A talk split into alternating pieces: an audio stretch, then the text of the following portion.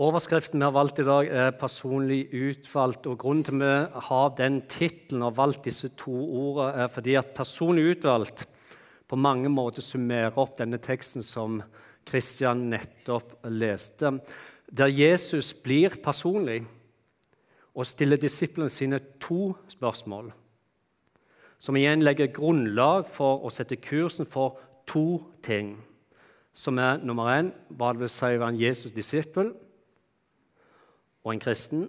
Og nummer to hva det vil si å være Guds menighet, Jesu kirke, nå i dag. Om du leser Bibelen, så vil du se at Bibelen er satt sammen av 66 bøker og brev, der 39 av de utgjør det som heter Det gamle testamentet, og 27 av de utgjør det som heter Det nye testamentet. Og Grunnen til at noe av Bibelen heter Det gamle og Det nye testamentet, er fordi dette handler om to pakter. Da? Det handler om to avtaler eller to kontrakter som Gud gjør sammen med mennesket. Du har den gamle pakt, og du har den nye pakt.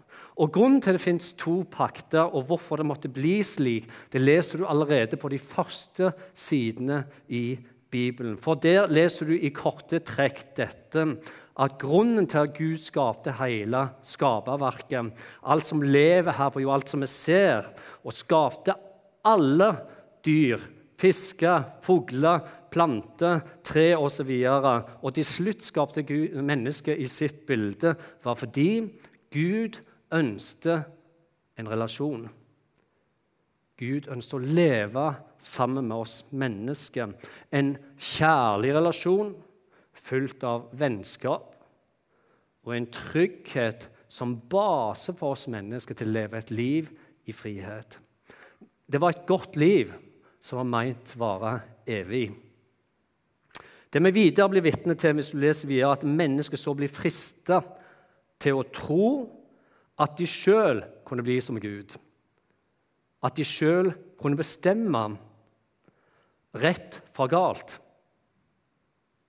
Hva er ondt, og hva er godt? Og Konsekvensen av menneskets ulydighet og opprør mot Gud var tre ting.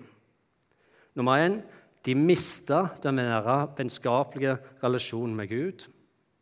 Nummer to de mista det evige livet som var gitt dem til å leve her på jorda, og de måtte møte døden. Og nummer tre de mista friheten til å ta imot Guds velsignelse. Det som de før hadde bare fått lov til å være mottaker av, ble i syndefallet bytta til et liv fylt med strev og byrde. Augustin, som regnes som en av oldtidskirkens største teologer, han sa det sånn som dette her. At Det gamle testamentet er som et fullt møblert rom med lite lys. Det er alle slags ting der inne som du ikke klarer å se uten at du åpner et vindu og slipper inn, inn lys fra Det nye testamentet. Og Hva er det i grunnen han mener med det? Jo, Det Augustin mener, er at for å kunne forstå den gamle pakt, det gamle testamentet, forstå betydningen av dem, så må du stå i Det nye testamentet med Jesus Kristus sitt kors for å kunne fullt ut forstå hvorfor Gud gjør det han gjør i Gamle testamentet, hva han gjør, og hvordan han gjør det. Og det han sier dette her, at hvert eneste sted der du leser om Gud som manifesterer seg på en dramatisk eller en fysisk måte i Det gamle testamentet, er hendelser eller historier som alle har alle peker framover og imot Jesus Kristus som skulle komme. Noe som betyr av f.eks. historien om profeten Elia på Karmenfjellet, eller Davids møte med Goliat, eller om det er Moses' utvandring med israelsfolk fra Egypt, når Nehemia bygger murene opp igjen i Jerusalem, eller når Josef og brødrene hans når de kaster han i brønnen og han til slutt blir en av de største i Egypts rike. Hver eneste en av disse historiene herrene. Josva, du kan fortsette.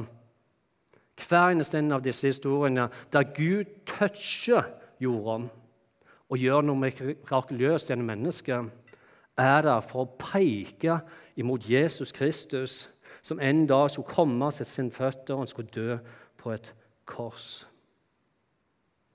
Og det er nettopp det vi da skal gjøre sammen i dag. er dette her. At vi skal bla oss langt tilbake i Det gamle testamentet til en hendelse og en historie som ble hele startskuddet for verdens største redningsstasjon en redningsstasjon og en historie som går gjennom hele Det gamle testamentet, fra generasjon til generasjon, fra menneske til menneske, og helt opp til denne her dagen som leste om, som Kristian leste om i dag, når Jesus stopper sine disipler i byen Cesarea, og han stiller et personlig spørsmål. Et personlig spørsmål som de faktisk har, var nødt til å svare på. De måtte stå for noe. Men starten på det det finner du i Gamle testamentet. Og du finner det i første Mosebok. Vi skal hele 4000 år tilbake i tid, til en mektig by på den tida som het Ur i Kaldea, og som var en del av det nye babylonske riket. Og bare sånn at vi har det med oss, denne her Ur i Kaldea, den byen der, den ligger cirka, eller lå ca. åtte mil sør for Bagdad, som i dag er hovedstaden i Irak. Så det er der vi befinner oss i begynnelsen av denne historien. For der det er der Gud starter det hele. Vi utvilger en mann som heter Abraham, som senere skulle få navnet Abraham, som vi kjenner nok mest som. Og Grunnen til at Gud vil komme så nær og bli så personlig med Abraham, er fordi denne saken her, den er personlig for Gud. Syndefallet, avstanden, det brutte relasjoner og det ødelagte vennskapet med mennesket, Det er personlig for Gud. Og Det er også det som gjør at Gud vil starte denne største redningsstasjonen verden noensinne har sett. Og Det starter sånn som dette. Herren sa til Abraham.: Dra bort fra landet ditt og fra slekten din og fra farshuset ditt til det landet som jeg skal vise deg. Jeg vil gjøre deg til et stort folk. Jeg vil velsigne deg og gjøre navnet ditt stort. Og det Gud viser Abraham her, er begynnelsen på det som skal komme, der Gud velger et hei folk, israelsfolket, og det starter her. Og det står videre dette her. Du, Abraham, skal bli til velsignelse. Jeg vil velsigne deg som velsigner deg, men den som forbanner deg, skal jeg forbanne. I deg skal alle slekter på jorden velsignes. Og responsen til Abraham var Så dro Abraham slik Herren hadde sagt ham. Og der og da så er Abraham utvalgt. Til å være den første i en lang rekke med mennesker fra slekt til slekt som Gud kom til å kalle og lede helt fram til Jesus Kristus kommer og setter sine føtter på jorden. Nå er det ikke sikkert at du vet dette, selv om en del her, jeg vet at en del vet det. Men som du sikkert hører, så er ikke jeg fra Sørlandet. Og jeg er ikke fra Lyngdal, men jeg kommer fra det vakre Jæren og Bryne. Og slik som det var når jeg vokste opp, da, så vokste jeg opp eh, hjemme i et hus som bare var et, steinkast, et kort steinkast fra Bryne stadion, fotballbanen der. Noe som automatisk gjorde at vi brukte utrolig mye tid ned på fotballmatta på treningsfeltet der vi sparka fotball dagen lang. Og nå vet jeg hvordan det med deg med fotball, og, og, om du i hele tatt spilte fotball, det vet jeg ikke. Men for meg og broren min, som heter Roy Gjelling, og som også er pastor i Kristiansand, så var vi der nede, og vi brukte mye tid det her. Og Det er her broren min Roy Gjelling sier dette her, og, og, jeg bare presiserer at dette er det Roy Gjelling som sjøl har sagt. Bare så dere vet det. At det, sånn som det var da, så, så når vi skal dele i lag så velte de ut to stykk til delelag. Slik Den ene begynte å velge sånn, og så tok den andre, og så det neste, og så annenhver gang sånn. Altså deling av lag. Og Det er da regjeringen sier dette her, og det er han passerer det er han sjøl som har sagt det, at eh, du, Jim, alltid fikk velge lag, sier han. Og jeg alltid ble en av de to siste som sto igjen. Og han har sagt det sjøl. Men vet du grunnen? Til at uh, Roy alltid var blant de to siste som sto igjen, og ikke den siste. Det er jo fordi jeg var bror hans. Og for å slippe å få kjeft av mor når jeg kom hjem, så valgte jeg han på laget mitt, så han skulle slippe å stå helt til slutt. Men Det trenger jeg ikke si til ham, det vet ikke han ennå. Men det er greia. Er poenget? Hvis du går inn i Bibelen og Matteus 16, teksten som vi leste sammen i dag, så viser Bibelen oss dette. At Jesus en dag, overført betydning, går sammen med laget sitt. Han kommer til en by som heter Cesarea, som ligger i Filippi. Og i denne byen som ligger da nord for Genesaretsjøen, hvis det er interessant for meg, så, det, for deg, så er det en by som var full av avgudsdyrkelse og frafall i generasjoner. Og det er her Jesus velger å gå til. Og det er her i denne byen her, Anna, han velger å stille dette spørsmålet. Det er ikke tilfeldig. Og han stiller to spørsmål to spørsmål som jeg tenker dette, her, dette er vesentlig for oss i dag. Dette her, disse to spørsmålene de stemmer for oss nå i dag, der vi bor. To spørsmål jeg tenker disse er superviktige at du og meg kan svare på. Og Det første spørsmålet er dette. Hvem det er Jesus stiller dem? Hvem sier folk at menneskesønnen er? Altså spørsmålet hvem sier folk at jeg er? Han samler laget sitt når de kommer inn i denne byen her. Og Så spør han hvem sier folk rundt, de der ute, at jeg er? Og svaret er her. Disiplene svarer noen sier døperen Johannes, andre Lia og andre igjen Jeremia, eller en annen av profetene, som betyr at når Jesus gikk rundt og gjorde det han gjorde, så var det såpass stort, det var såpass utrolig, det han gjorde. At når folk skulle begynne å sette dette i perspektiv og forstå det, så mente de at det som Jesus gjorde, var så stort og så overnaturlig at de klarer ikke å komme på noen annen forklaring at Jesus må være kommet tilbake fra de døde. De snakker om mennesker som var døde i hundrevis av år. En av profetene må det være, eller kanskje det er døperen Johannes, som igjen betyr at det Jesus gjorde, var i en dimensjon og en klasse der de med sitt intellektuelle forstand da, klarte ikke å beskrive på en annen måte at Jesus han må ha kommet fra en annen plass. Og det her, når Jesus hører hva folk sier og tenker om at Jesus kommer med neste spørsmål fordi, hør nå, Det er én ting å være der ute litt sånn på avstand, litt sånn tilskuer til det hele. Det er en ting å være en som ser ting utenfra, litt sånn upersonlig. Men en helt annen ting å være inne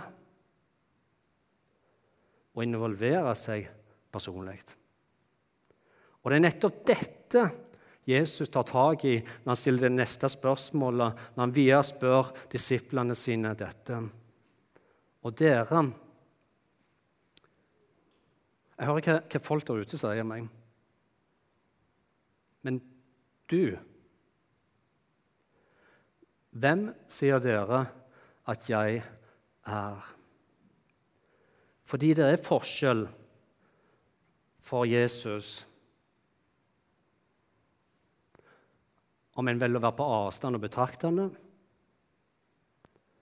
eller en velger å være innenfor en del av laget til ansvar. Hvem sier dere er? Hvem er jeg for deg? Er jeg personlig for deg, eller er jeg upersonlig? Da svarer Simon Peter, du er Messias.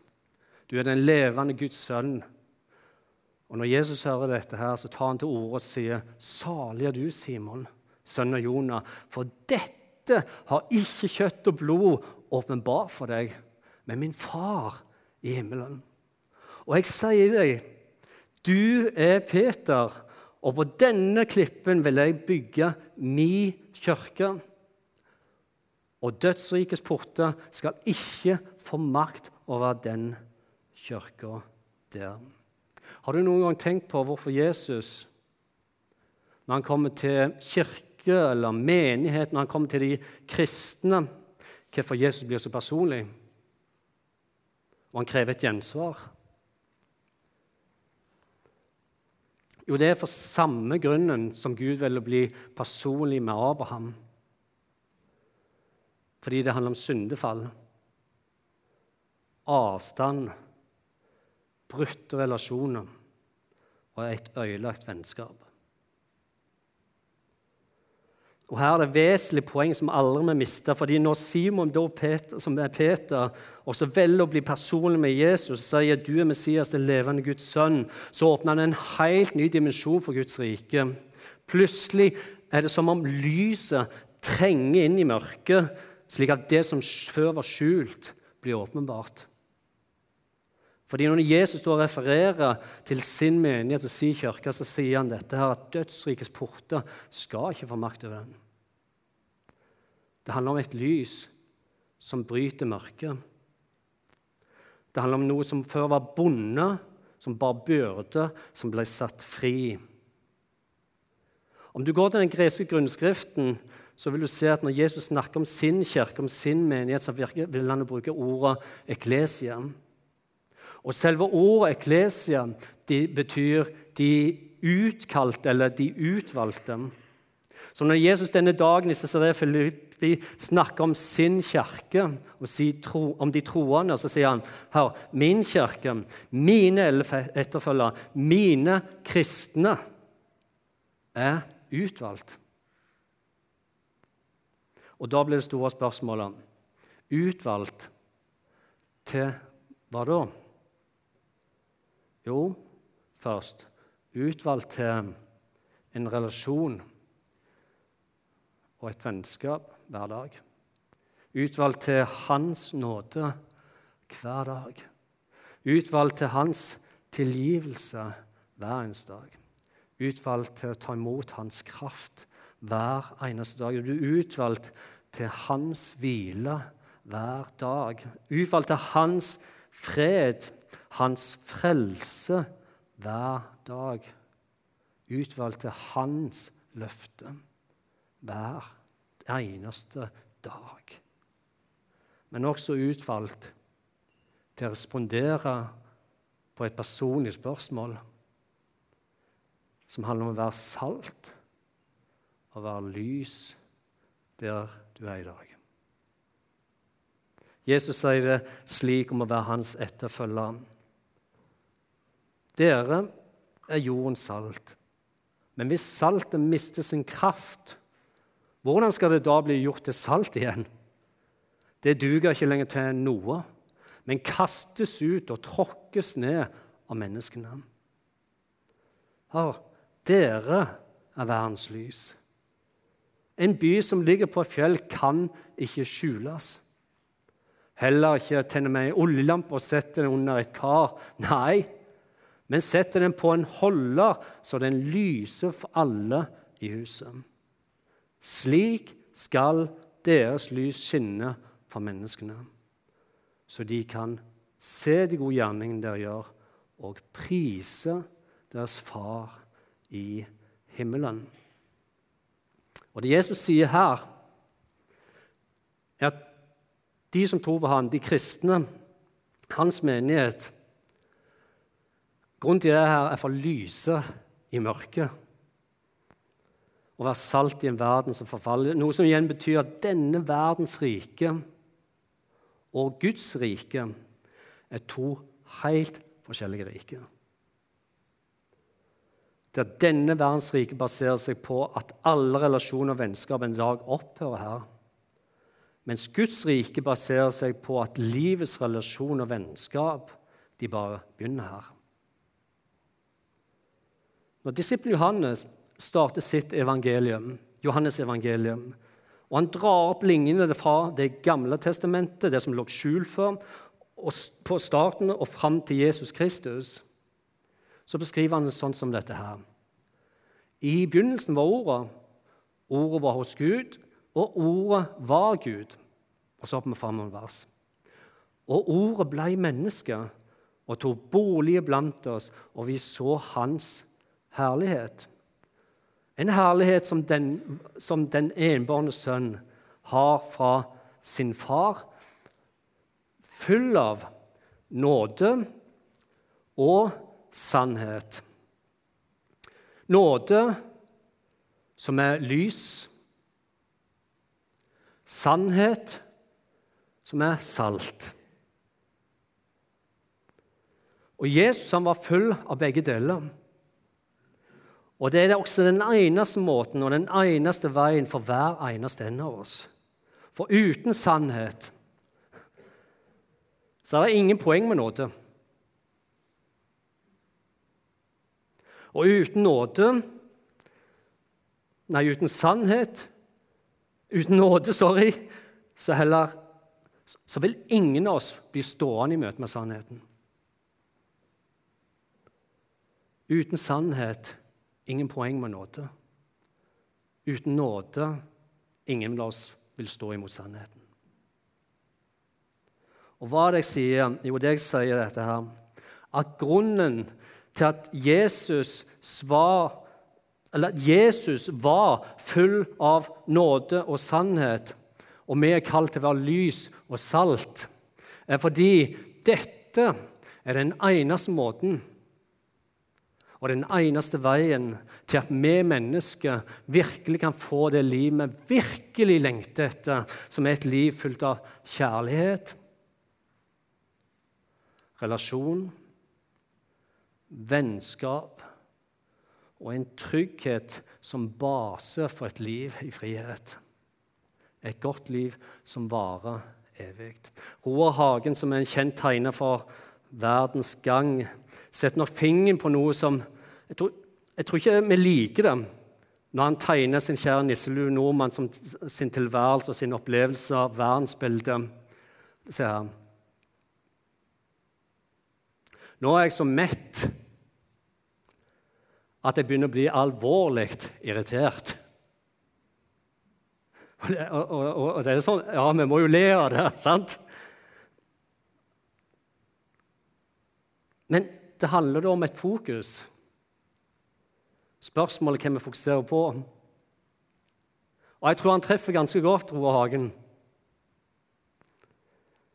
For hvis det er sånn at vi har lagd oss en, sjø, en tilværelse og et verdensbilde og en livsforståelse, og kanskje til og med en religion, som er sånn som dette Dette er ikke det Gud kalte oss til, altså. Fordi dette gir ikke mye rom for eller plass for andre enn oss sjøl. Jesus sier det sånn som dette her. Ingen har større kjærlighet enn den som gir sitt liv for vennene sine. Og de ordene der, de summerer i grunnen opp hvorfor Gud valgte å komme nær og bli personlig med Abraham. Som igjen ble starten på det Jesus skulle fullføre når han valgte å gi sitt liv og lide grusomt for å dø på et kors. Og Nå må du høre godt etter. Der og da, på det korset, så oppfylte Jesus mer enn har 300 profetier fra Det gamle testamentet. 300 profetier og hendelser som er der i Bibelen for for å vitne om at Gud har en plan. Verdens største redningsstasjon, dette som han ble startet med for 4000 år sammen med Abraham, og som en så med Jesus i Cesarea den dagen han gikk med disiplene. Og som ikke det var nok, med 300 profetier som bekrefter dette, så oppfyller Jesus Kristus alene 29 sentrale profetier fra Det gamle testamentet. Men han henger på et kors. Den dagen der. Her. hvorfor er det sånn. Hvorfor er det sånn når vi står med korset til Jesus, når vi lyser inn i Gamle testamentet, og så forstår vi oh sånn er det, det er sånn det sånn er det. Hvorfor er det sånn? Det er sånn fordi dette her, det er personlig for Gud. Og Derfor så velger Paul å skrive det sånn som han skriver det til galaterne. Les dette. Men Kristus kjøpte oss fri fra lovens forbannelse da han kom under forbannelse for vår skyld. For det står skrevet Forbannet er hver den som henger på et tre, som er henta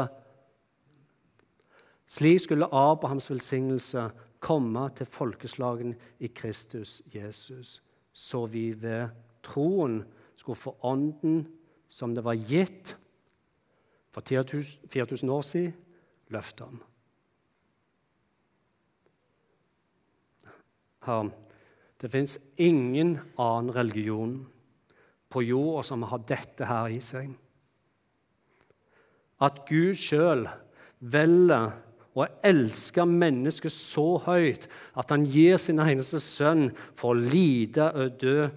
For oss som i utgangspunktet faktisk var skapt til å ære han, takke han, leve i en relasjon med han. Ingen andre gjør det. Men Gud å gjøre det, for det er personlig for han når det kommer til å elske ham. Ingen andre religioner har i seg dette. At Gud ikke straffer oss på en eller annen måte, men heller vil si jeg elsker deg så høyt. Jeg har derfor laget en plan som er sånn at jeg kommer til å velsigne dere. Jeg kommer til å velsigne dere, jeg kommer til å passe på dere, jeg vil hjelpe dere i generasjon etter generasjon, i slekt etter slekt. Og straffen som tilhørte oss, syndefallet, den vil jeg ene og alene ydmyke meg sjøl, lide og dø. Ingen andre religioner har dette i seg. For det alle andre religioner har i seg, er dette her enten en upersonlig gud eller en upersonlig skikkelse eller en gud som aldri og under noen omstendigheter kunne fornedre seg til å bli et menneske, kjøtt og blod som oss. Men vår Gud velger nettopp å gjøre det. Han ville bli menneske, Jesus Kristus, for så å komme nær og bli personlig. Hvorfor? Jo, for å vise oss hvem han virkelig er. Jeg elsker deg. Jeg glemmer deg ikke. Dette er personlig for meg. Ingen andre religion har det i seg. De er ikke i nærheten engang. Og Samtidig så er nettopp dette at Gud blir person, og at Jesus Kristus velger å bøye seg og ydmyke seg, lide og dø for oss, det mest nydelige, det vakreste og det mest kjærlige og nådefulle og sanne vi som mennesker noen gang kan få lov til å oppleve. Og Det er også det som gjør at den tidligere erkebiskopen for Canterbury, Will Temple, på 1920-tallet skrev det sånn som dette her har den største tjenesten et menneske kan gjøre, er å invitere et annet menneske, slik at de kan få muligheten til å møte Jesus.